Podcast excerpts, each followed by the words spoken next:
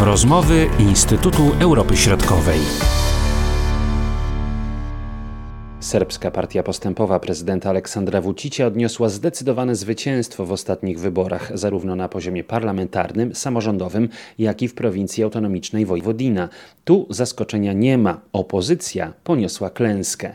Przed nowym rządem stoją duże wyzwania, także w polityce międzynarodowej, podkreśla doktor habilitowany Konrad Pawłowski. Wyniki wyborów pokazały, że na wszystkich trzech szczeblach e, zdecydowane zwycięstwo odniosła Serbska Partia Postępowa. Jest to zwycięstwo absolutnie absolutnie niezaskakujące, biorąc pod uwagę po pierwsze poparcie, jako, jako, jakim cieszy się ta partia w serbskim społeczeństwie, ale także bojkot ze strony głównych partii opozycyjnych, które y, oskarżając władze Serbii, czyli serbską, głównie serbską partię postępową i szefa y, obecnego prezydenta Serbii Aleksandra Vucicia, oskarżając y, władze o stworzenie warunków, które nie spełniają standardów wolnych wyborów, które dają szansę opozycji. Po prostu opozycja te, te wybory zbojkotowała. Można powiedzieć, że niejako opozycja trochę pomogła partii rządzącej e, uzyskać tak wysoki wynik. Tak, tak. Opozycja wzywając do bojkotu faktycznie dążyła do delegitymizacji wyników wyboru, wyborów, co niewątpliwie wywoływało obawy ze strony partii rządzącej i samego prezydenta. Dlatego też w lutym tego roku obniżono próg wyborczy z 5 do 3%, po to właśnie, żeby partie, mniejsze partie, które do tej pory nie miały szans na wejście do zgromadzenia, żeby po prostu się znalazły w tym zgromadzeniu. Oczywiście w sensie formalnym chodziło o stworzenie takiej no, wielopartyjności w tym zgromadzeniu, które faktycznie jest obiektywnie zdominowane przez serbską partię postępową. Natomiast no, decyzja opozycji była także krytykowana w środowiskach opozycyjnych. Tutaj politycy opozycji nie byli przekonani, że takie no, działanie faktycznie przyniesie skutek pożądany. Chciałbym podkreślić, że część środowisk, które mm, absolutnie są środowiskami opozycyjnymi i była zaangażowana w demonstracje, ponieważ od końca listopada 2018 roku w Serbii trwały demonstracje przeciwko obecnemu obozowi władzy, y, część tych środowisk y, poszła na wybory i poniosła sromotną klęskę. Mówię tutaj o ruchu y, wolnych obywateli oraz o Stowarzyszeniu Jeden z Pięciu Milionów, które liczyły, że no, staną się tym głosem opozycji w wyborach i y, po wyborach, że staną się tym głosem opozycji w nowym zgromadzeniu, ale nie przeszły nawet tego 3% progu wyborczego. Frekwencja w tych wyborach to najprawdopodobniej około 50%, poniżej 50%. Czy to jest dużo jak na serbskie warunki, czy mało? Frekwencja niewątpliwie była kluczowym pytaniem, y, jeśli chodzi o mandat społeczny, y, który, który nowa władza uzyska po wyborach i na to pytanie trzeba odpowiedzieć tak, że do pamiętajmy, że w poprzednich wyborach frekwencja wynosiła 56%. W tych wyborach y, władze podawały początkowo, że ono wynosi nieco powyżej 50%. Natomiast ostatnie wyniki, wyniki które są zamieszczone na stronie Republikańskiej Komisji Wyborczej, pokazują, że frekwencja jest jednak nieco mniejsza niż 50%. Nie ma danych szczegółowych, ale wynika z tych wyliczeń, że jest to około 49%. Opozycja wskazuje, że ta frekwencja jest skutkiem bojkotu. Natomiast jeśli ona jest niższa o te, o te powiedzmy 7% niż w poprzednich wyborach, to z jednej strony wynika to z bojkotu, bo jeśli weźmiemy pod uwagę, że partie opozycyjne zrzeszone w ramach Sojuszu dla Serbii e, cieszą się około 10% poparciem, no to to mniej więcej jest e, podobna wielkość. Natomiast pamiętajmy, że część osób nie poszło do wyborów także z powodu dalej e, istniejącej pandemii koronawirusa. Więc tutaj, biorąc pod uwagę całą tą otoczkę polityczną, ale także epidemiologiczną, która towarzyszy wyborom, myślę, że ta frekwencja jest w jakimś sensie zrozumiała.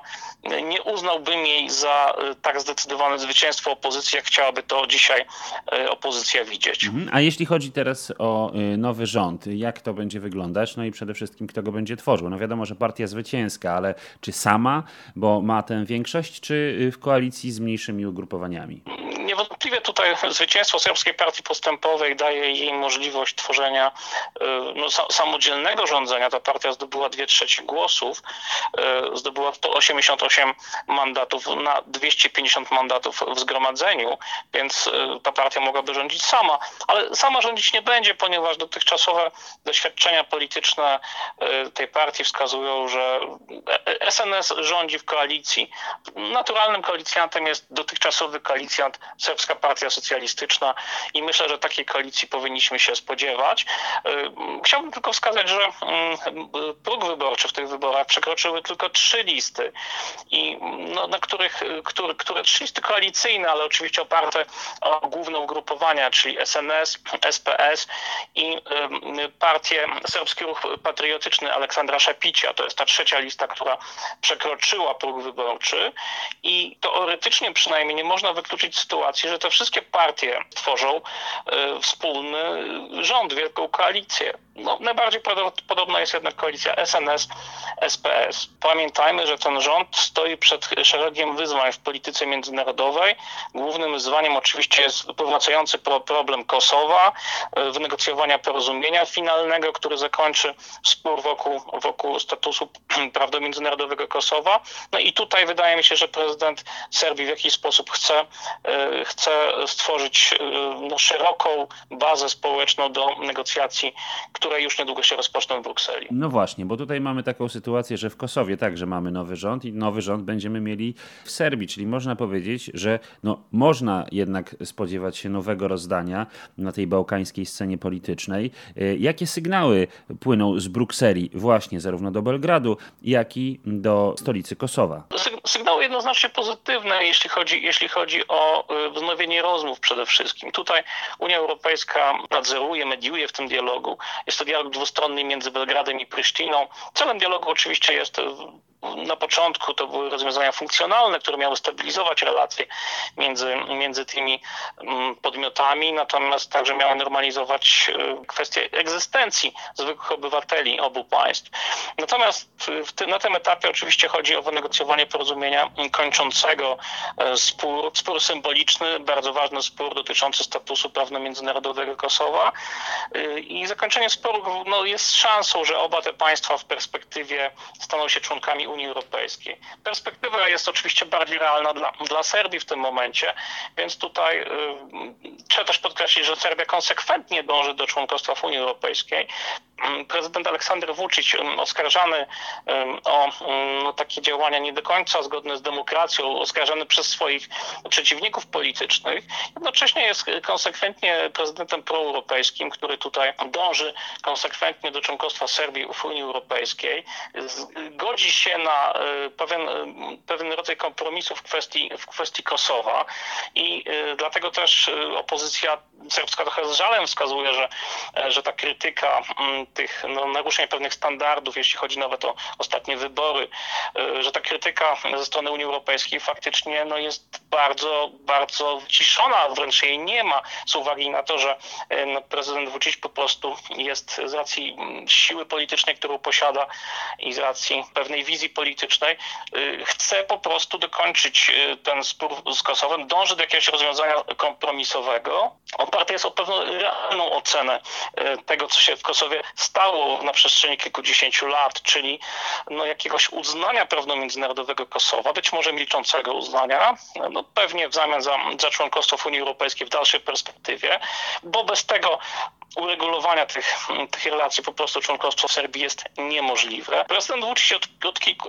od kilku lat odpowiadał się za tak zwanym rozgraniczeniem, które nigdy nie zostało precyzyjnie wyjaśnione serbskiemu społeczeństwu, co miałoby to być z uwagi na no, ogólną głęboką wrażliwość tej kwestii, ale niewątpliwie mm, Serbia chciałaby e, pozostawienia w granicach Serbii terytorium północnego Kosowa. To są cztery gminy, które graniczą bezpośrednio z Serbią i faktycznie w dużym stopniu funkcjonują w oderwaniu od mm, państwowości kosowskiej. Na ile wznawiane rozmowy serbsko-kosowskie okażą się konstruktywne, o tym przekonamy się za jakiś czas. Niewątpliwie samo ich wznowienie jest dobrą prognozą, przynajmniej na najbliższą przyszłość.